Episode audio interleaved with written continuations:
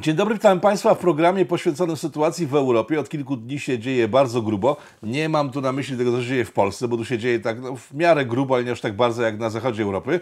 Eee, jakiś czas temu, parę dni temu we Francji zdekapitowano nauczyciela, który naigrywał się z islamu. Eee, stracił głowę dziś rano, mówimy to 29 września października, przepraszam, 2020 e, roku. Dziś rano straciły głowy dwie kolejne osoby zamordowane w jednym z kościołów francuskich. E, w chwili, kiedy mówię to, co mówię, już wiem o dwóch kolejnych zamachach e, związanych właśnie z konfliktem na linii Francja-Świat Islamu. O to, o czym o co w tym wszystkim chodzi, wytłumaczy Państwu Wojciech Szewko. Witam Pana, Panie Wojciechu. Dzień dobry panu, dzień dobry państwu. Od czego się zaczęło? Bo to jest y, sytuacja, z którą ma miejsce na Zachodzie, z, z islamem, ma już całe lata, mamy doświadczeń, ale nagle to znowu zaczęło wybuchać. Czy początku należy e, się doszukiwać w zaostrzeniu się stosunków e, francusko-tureckich? Tak, zdecydowanie tak. Co prawda, e, rzeczywiście takim, można powiedzieć, kamieniem milowym tego nowego konfliktu jest ponowne opublikowanie, no w rocznicy zamachu, ponowne opublikowanie przez Charlie Hebdo, czyli to pismo niby satyryczne e, francuskie, e, tych samych karykatur Mahometa, które kiedyś opublikowało i potem doszło do zamachu. No i teraz opublikowało znowu i znowu doszło do zamachu. Najpierw doszło do zamachu w tym miejscu, gdzie była redakcja kiedy Charlie Hebdo się przeniosła, w związku z tym zamachowcy uważ, uznali, że atakują redaktorów Charlie Hebdo, a atakowali akurat zupełnie innej agencji prasowej, którzy tam w tej siedzibie dawnej rezydują. Później mieliśmy taką sytuację, że właśnie w związku z tymi zamachami, w związku z tym rozpoczęciem na nowo dyskusji o obrazie uczuć religijnych, e, Samuel Paty to jest taki nauczyciel e, z liceum pod pod Paryżem, pokazywał uczniom na lekcji, właśnie powiedział, że też to była lekcja na temat wolności słowa i powiedział, że pokaże, czego dotyczy ta dyskusja. E, powiedział rzekomo, że jeżeli są muzułmanie na sali, to mogą wyjść, prawda, bo to może obrazić ich uczucia i pokazał właśnie dokładnie ten, to Charlie Hebdo z tymi, tam okładkę z tymi karykaturami. Następnie jeden z rodziców e, uczennicy e, poczuł się nie tylko urażony, ale zaczął aktywnie nawoływać do przemocy wobec tego, wobec tego nauczyciela. Do niego dołączył się jeszcze taki kaznodzieja, e, który e, islamski, znany islamista, który no, nieraz nawoływał do przemocy generalnie wobec państwa francuskiego i, e, i chrześcijan. Mm, to poskutkowało tym, że nie uczeń tego koledżu, tylko po prostu młody dżihadysta z rodem z Czeczenii, e, najpierw poszukiwał aktywnie właśnie kontaktu, no kim jest ten nauczyciel, bo nie powiedziano dokładnie kim on jest, ani, e, ani gdzie mieszka, gdzie, gdzie funkcjonuje. Nawet skontaktował się z uczniami tego liceum, e, zapłacił im zresztą za informację, kim jest ten Samuel Patino, zaczaił się na niego, po prostu obciął mu głowę, następnie, następnie ścigany przez policję, e, rzucił się na policjantów, policjanci go zastrzelili. I tutaj, I jest... i tutaj, i tutaj zaczął się problem, bo w, wie, wielu wyznawców islamu, w tym rząd turecki, uznał to za zamach na tego zamachowca. I zaczął... To jeszcze tak, ale to jeszcze nie koniec, okay. dlatego, ponieważ po tym e, działaniu, notabene to jest e, o tyle dziwne, spektakularne, no nie wiem jak to jeszcze inaczej określić, ponieważ e, zamachów we Francji było dużo. Były również liczne dekapitacje, żeby daleko nie szukać księdza w Normandii. I państwo francuskie ograniczało się, no właśnie, do jakiegoś tam rysowania kredkami, do tego, co zwykle rządy zachodniej Europy robią. Absolutnie żadnych konsekwencji wobec islamistów nie wyciągano. Co więcej, przy takim pierwszym jeszcze, bo teraz wiemy o tym, bo przypomniano po prostu historię, przy takim pierwszym zamachu tego typu, bodaj w 2014-2015 roku, tak na przełomie, jeszcze przed zamachami w Paryżu, też jeden z islamistów obciął głowę dyrektorowi fabryki. Wywiózł go, e, obciął mu głowę. Następnie jego brat teraz opowiada, że ma żal do państwa francuskiego, ponieważ nie dość, że próbowano za wszelką cenę na nim wymusić, żeby on mówił, że to, była, że to były porachunki pracobiorca, pracodawca, to jeszcze na dodatek już temu siedzącemu dżihadyście skazanemu za, za, za, za, za morderstwo ponieważ był pracownikiem firmy, więc trzeba było płacić cały czas, płacić jakieś odszkodowania chorobowe, zaległe urlopy i tym podobne rzeczy. W ogóle tego nie anulowano. Taka sytuacja była we Francji przez wiele lat. A teraz natomiast po tym zamachu na Samuela Paty, no coś się zmieniło. Być może notowania Frontu Narodowego czy Marine Le Pen e, mają z tym bezpośredni związek, ponieważ państwo zareagowało wyjątkowo szybko i zaskakująco skutecznie. To znaczy Macron zapowiedział natychmiast po pierwsze wydalenie 230 bodaj jeden mm, dżihadystów, e, ekstremistów, którzy nie mają obywatelstwa francuskiego, z tego 180 już siedzi, a 50 polecono, żeby złapać i wydalić. Po drugie, zapowiedziano likwidację e, ponad 50 organizacji islamskich, które notabene dostają dotacje państwowe, w tym słynnego Centrum Przeciwko Islamofobii francuskiego, takiej organizacji Baraka City i jeszcze przynajmniej, no właśnie tych prawie 50 kolejnych. Co więcej, to jest tak, że po aresztowaniu nie tylko tego ojca, e, który nagrał tą, tą, tą, to, to wezwanie na e, sieci, rozpowszechnił w sieciach społecznościowych i tego oczywiście, tego, tego, tego imama, który e, jemu wturował, i jeszcze kilku osób, które uznano, że są zamieszane w podżeganie do zamachu na Samuela Paty.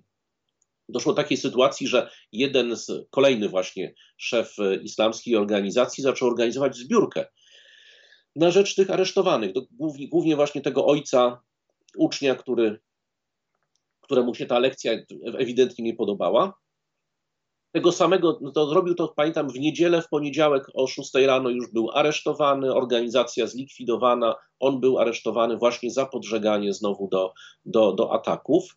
E, czyli państwo francuskie zareagowało tak, jak powinno w roku 2014, e, co jest, to chyba zaskoczyło wszystkich. E, to oczywiście ten, ta, ta reakcja już od razu wywołała negatywną reakcję, no głównie, głównie właśnie Turcji. Turcja jest, ale to właśnie w tym kontekście, o którym pan redaktor powiedział, czyli tego konfliktu francusko-tureckiego, cokolwiek Francja nie zrobi, to wiadomo, że będzie teraz kontestowane przez Turcję. Następnie podczas pogrzebu, podczas mowy pogrzebowej na pogrzebie tego Samuela Paty, który zresztą dostał Legię Honorową, E, Macron nie tylko nie potępił e, Samuela Paty, jak e, oczekiwały przywódcy państw islamskich, jak rozumiem, ale również powiedział, że nikt nie będzie po prostu dyktował, jakie karykatury ma państwo francuskie i nie będzie, nie będzie nam tych karykatur narzucał. Nie będzie nam narzucał tego, co niczego związanego z wolnością słowa. To doprowadziło do rozpętania globalnej tym razem nagonki i znowu E, prym wiodła w tym Turcja, znaczy prezydent Turcji wezwał do globalnego bojkotu przez muzułmanów państwa francuskiego, francuskich produktów. Przyłączyły się do, tego, do niego natychmiast premier Pakistanu, Imran Khan. Imran Khan to jest ten sam premier, który mówił o Osamie Bin Ladenie jako o męczenniku. Prawda? To jest ten sam premier. No i to jest, i to jest również, do tego połączyły się Dubaj, niektóre Emiraty Arabskie, nawet prezydent Egiptu Sisi powiedział właśnie, to powiedział wczoraj, że e, wolność słowa kończy się tam, gdzie rozpoczyna się obrażanie muzułmanów. Tak? To jest dokładnie padnie z niego cytat. I oczywiście wszystkie organizacje standardowo dżihadu, czyli Al-Kaida, Państwo Islamskie, jak również liczne, również te sponsorowane przez Turcję w północnej Syrii. Zwraca się uwagę, że wczoraj właśnie pojawiła się taka odezwa, że al-Islam wezwał również do ataków na terytorium Francji, na Francuzów, na francuskie interesy. No i dzisiaj ulica francuska, można powiedzieć, odpowiedziała. Czyli mamy, najpierw mamy zamach w Nicei, gdzie dżihadysta wszedł do bazyliki Notre Dame, uciął głowę kobiecie, następnie zabił mężczyznę, to jest to był, zdaje mi się, kościelny, czy jakiś strażnik kościoła, nie wiem jak się nazywa mhm. prawidłowo. Też stracił głowę. E, nie, jemu chyba poderżnął gardło, nie, już nie zdążył e, mu obciąć głowy, potem jeszcze jedną osobę poranił, która, kobietę, która, nie, mężczyznę, przepraszam, który, który uciekł, e, gdzieś schował się w kościele, no ale zmarł E, z powodu odniesionych ran. No Dominika, Policja Dominika Cosić podawała dzisiaj przed chwilą dosłownie, że ta druga osoba, czyli kościelny też został zde, zdekapitowany. E, stąd moja uwaga, co nic nie zmienia, bo, jasne, bo, jasne.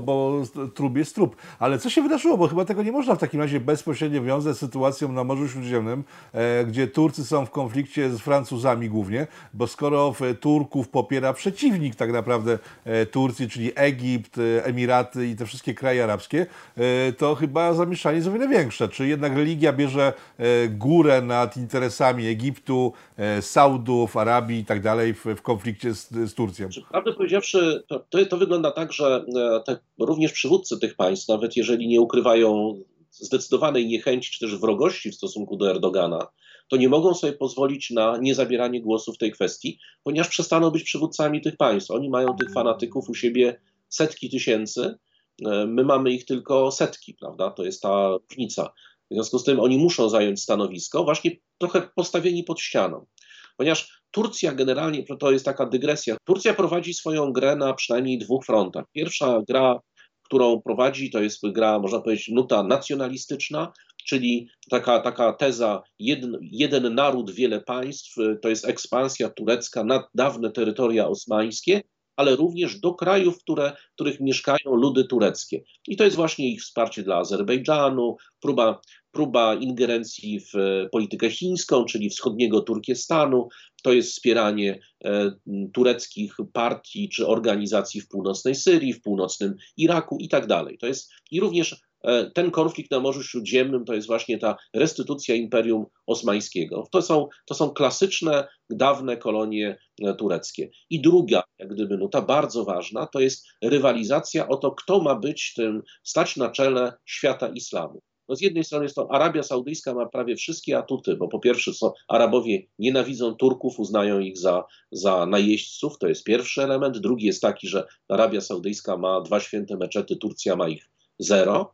W związku z tym z tego punktu widzenia Erdogan zawsze miał słabsze karty i, było, i miał tak naprawdę głównego sojusznika to był Katar, a jego głównym narzędziem zawsze jest Bractwo Muzułmańskie. Więc jak mamy Bractwo Muzułmańskie, zawsze możemy sobie nakreślić kreskę od razu do Ankary albo do Kataru. Natomiast w takim przypadku, czyli w przypadku tego akurat wydarzenia, on po prostu ich postawił wszystkich tych swoich nawet adwersarzy pod ścianą ponieważ żaden z nich nie może sobie po, pozwolić na to, że jeżeli mówi, proszę bardzo, prezydent Francji od, obraża pro, proroka Mahometa albo, e, ob, albo wspiera tych, którzy obrażają proroka.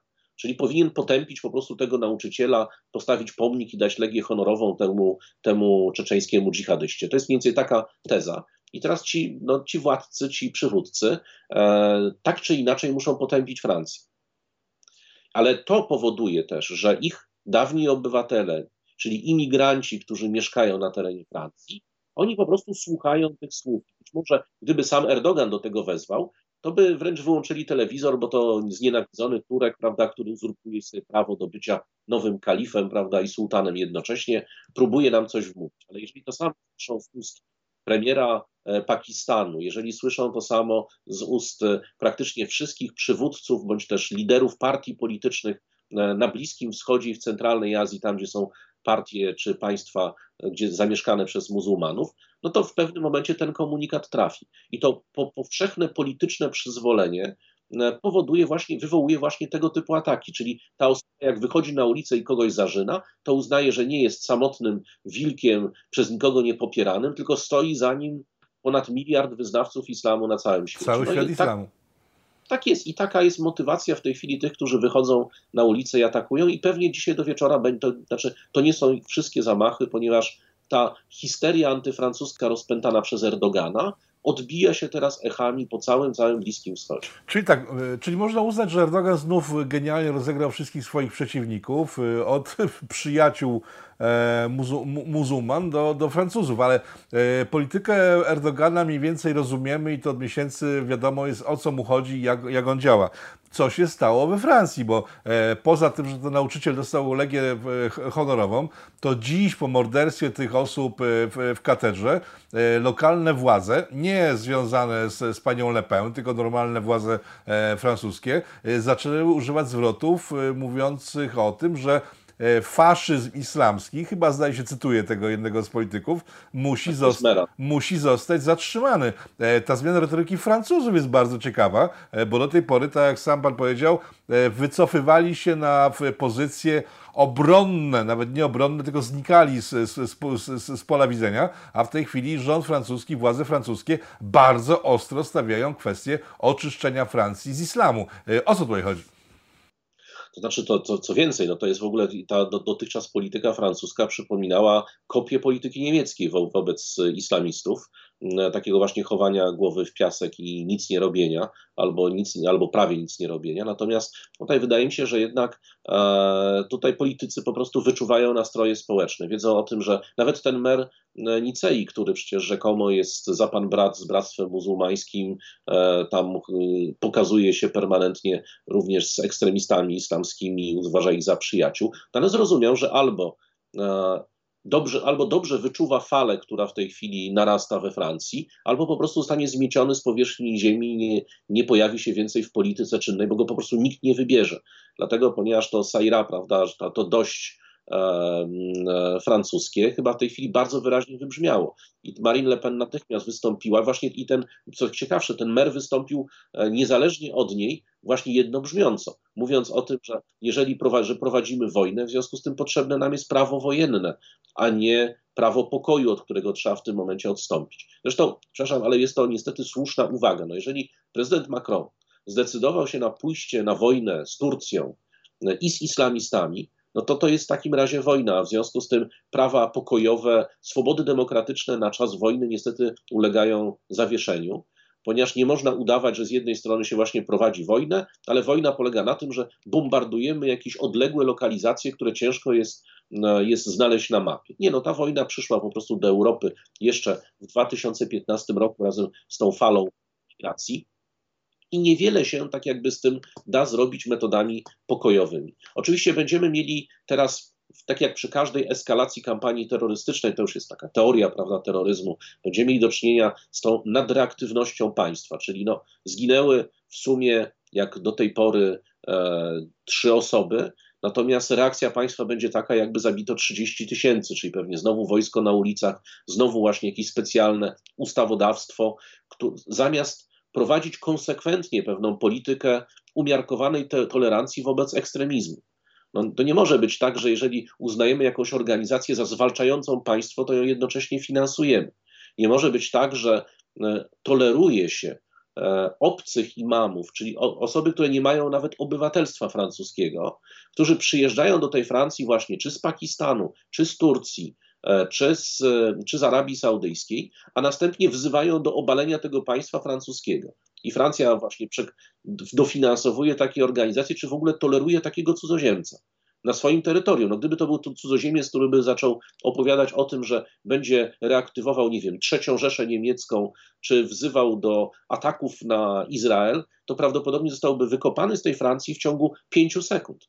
Natomiast w przypadku właśnie e, islamu, ta lewica francuska głównie e, stworzyła takie przeświadczenie, że wspieranie imigracji i również ekstremizmu islamskiego to jest jedna z wartości demokratycznych. No nie, ponieważ ten ekstremizm swoim, na, na, swoim sztandarowym haśle programowym jest, ma likwidację demokracji jako takiej. A już nie mówiąc o tym, że likwidację fizyczną lewicy jako takiej, bo jeżeli jest to lewica jeszcze, jeśli jest to lewica e, państwa laickiego, no to to są, to, jest, to są osoby, które dla salafitów, prawda, dla ekstremistów są do zamordowania na pierwszym miejscu. Rozumiem. E, na ile możliwe jest, że Francja faktycznie na stałe zmieni swoją politykę? Bo jak rozumiem, e, finansowanie tych organizacji zostało wyłączone, e, deportacje ludzi, którzy nie mają obywatelstwa francuskiego zostały rozpoczęte, no ale przecież oni mają ogromny problem z mniejszością, która ma paszporty francuskie. I co z tymi ludźmi zrobić, kiedy oni są także poddany, poddani radykalnej retoryce swoich imamów? Czy nie wiadomo, co w tej chwili się wydarzy dalej. Pojawiały się różne w, w, w łonie skrajnej prawicy francuskiej i polityków tej skrajnej prawicy pojawiały się różne pomysły, e, kopiowane zresztą z niektórych krajów, e, na przykład Zatoki, czy z krajów no już niedemokratycznych. E, tam się pojawiały takie pomysły, żeby na przykład odbierać obywatelstwo osobom, które na przykład są tymi obywatelami mniej niż 5 lat, którym przyznawano masowo obywatelstwa, no nie weryfikując, komu się przyznaje. No jest to jakieś połowiczne rozwiązanie, ale tak naprawdę prawdopodobnie nie ma do końca skutecznego rozwiązania w tym momencie, ponieważ z jednej strony no mamy przecież całą wielką grupę muzułmanów, którzy nie mają z tymi ekstremistami nic wspólnego. Zresztą te wszystkie organizacje islamskie, e, organizacja imamów, organizacje modlitewne w tej chwili potępiły ekstremistów. No z drugiej strony trzeba pamiętać, że ci ekstremiści jednak swoją bazę mają w meczetach Oni tam rekrutują, tam wychwytują osoby, które są trochę bardziej radykalne. I powstaje pytanie, czy sama społeczność muzułmańska no nie jest w stanie w żaden sposób samooczyścić się z tych osób ponieważ po pierwsze tam no, trudno jest, nikt nie ma napisanego na czole dżihadysta, tak? no, pisze sobie to na czole dopiero w momencie ataku. I to jest też pewien dylemat państwa demokratycznego. No nie można karać prawda, masowo wszystkich ludzi za to, że jeden ekstremista na kilkaset tysięcy osób się przydarzy. No bo równie dobrze, jakby się okazało, że jakiś Polak by dokonał zamachu we Francji, to wszystkich Polaków prawda, należy deportować, postawić pod mur czy wsadzić do więzienia. Więc to są dylematy, które mają Francuzi, ponieważ jednym z celów e, tych wszystkich organizacji ekstremistycznych e, e, muzułmańskich jest likwidacja systemu demokratycznego. No to jeżeli dzięki zamachowi zostaje zlikwidowany system demokratyczny, oni wygrali, tak? Znaczy to jest ich, ich podstawowym celem. Co więcej, im bardziej ostra, masowa i taka, jak gdyby można powiedzieć, bezrozumna odpowiedź państwa nam się pojawi, no tym więcej ludzi się będzie rekrutowało z tych, spośród tych średnio umiarkowanych muzułmanów w szeregi tych, którzy są ekstremistami. No, naturalny odruch, atakują nas, więc idziemy do, do takiej organizacji, która pozwala nam się bronić. O co właśnie tym dżihadystom chodzi? Więc tutaj nie ma takich bardzo prostych rozwiązań, ale oczywiście pewne wzorce zachowań, z takiej Tunezji na przykład, czy nawet z takiej Arabii Saudyjskiej, przecież, która ma tych wahabitów od dawna. Było kilka powstań. Była próba przecież zdobycia kiedyś e, meczetu e, Masjid al-Haram, prawda, w, w Arabii Saudyjskiej. Były próby wysadzenia grobu Mahometa, prawda, przez salafitów. Były próby stworzenia przewrotu państwa islamskiego i ta Arabia Saudyjska sobie poradziła. No jest krajem niedemokratycznym z całą pewnością. Ale pewne rozwiązania już się pojawiały dosyć dawno temu we Francji, tylko że Francja ma problemy właśnie natury dogmatycznej. Dlatego, ponieważ e, pojawił się na przykład taki pomysł, który funkcjonuje w krajach arabskich, ale nie tylko, na przykład funkcjonuje z tego, co się orientuje bodajże w Bośni, e, że po prostu e, taki imam ma swoje kurikulum, musi być zrzeszony w jakiejś centralnie przez państwo sponsorowanej radzie, i on nie ma prawa nauczania w momencie, kiedy odstępuje od, tego, do, od tej doktryny, która jest centralnie ustalana. No ale we Francji wtedy podniosły się głosy, nie można tego robić, ponieważ państwo jest państwem świeckim, więc nie może ingerować w, w kult religijny. No, jak, bo jak, jak muzułmanom, to może i chrześcijanom, prawda? No tego to się by pewnie nie spodobało, bo nie może być religii państwowej. Ale e, właśnie zakaz e, E, zakaz sprawowania funkcji imama przez, przez zagraniczne organizacje, zakaz finansowania organizacji religijnych z zagranicy, to były pomysły, które już w 2015 roku po zamachach pojawiły się nie zostały przeforsowane. Więc jak przypuszczam, że one już są jakoś opracowane legislacyjnie, mogą się nam pojawić w pierwszej kolejności. No Francuzi mają problem, bo nawet umiarkowani muzułmanie, kiedy mają do wyborów e, islam i państwo, które walczy z religią jako taką, nie tylko islamską, no, będą raczej stawali po stronie swoich tradycji. A do tego wszystkiego w chwili, kiedy wiemy, że nadchodzi chyba już konflikt militarny na Morzu Śródziemnym między Turcją a Francją, Francja nie będzie mogła sobie pozwolić na trzymanie sabotażystów na terenie własnego kraju. Tak mi się przynajmniej wydaje. E, panie Wojciechu, bardzo dziękuję, bo chyba w temacie zamachów i tego, co się dzieje we Francji, więcej dzisiaj nie powiemy. Czy jeszcze coś możemy dodać? Znaczy, rzeczywiście powinniśmy śledzić bardzo uważnie dzisiaj informacje. Jeżeli dotrzemy z tą informacją do Polaków we Francji, no to powinni zdawać sobie sprawę z tego, że również ze względu na te obostrzenia koronawirusowe, tradycyjne miejsca ataków, czyli takie, gdzie dużo ludzi się gromadzi, no, będą w naturalny sposób puste, bądź też nie będzie tam wiele, wiele osób, a w związku z tym mogą, może dochodzić do ataku po prostu na zwyczajnej ulicy, więc jeżeli mogą powstrzymać się od wychodzenia na ulicę spacerów przez przynajmniej te 24 godziny, zanim y, nie, nie pojawią się posiłki, czy wojskowe, czy paramilitarne na ulicach, to lepiej po prostu tego unikać, bo ten atak na przykład w, już w Awinionie pokazał, że to niekoniecznie musiało być bardzo ludne miejsce. No tam nikt nie zginął, ale E, prawdopodobnie zamachów będzie rzeczywiście więcej. Uwagi dotyczą oczywiście mieszkańców Francji, Polaków we Francji. E, bardzo dziękuję panie Wojciechu za komentarz. Państwa moim gościem był Wojciech Szewko, ekspert do spraw islamu. Bardzo panu dziękuję. Dziękuję bardzo.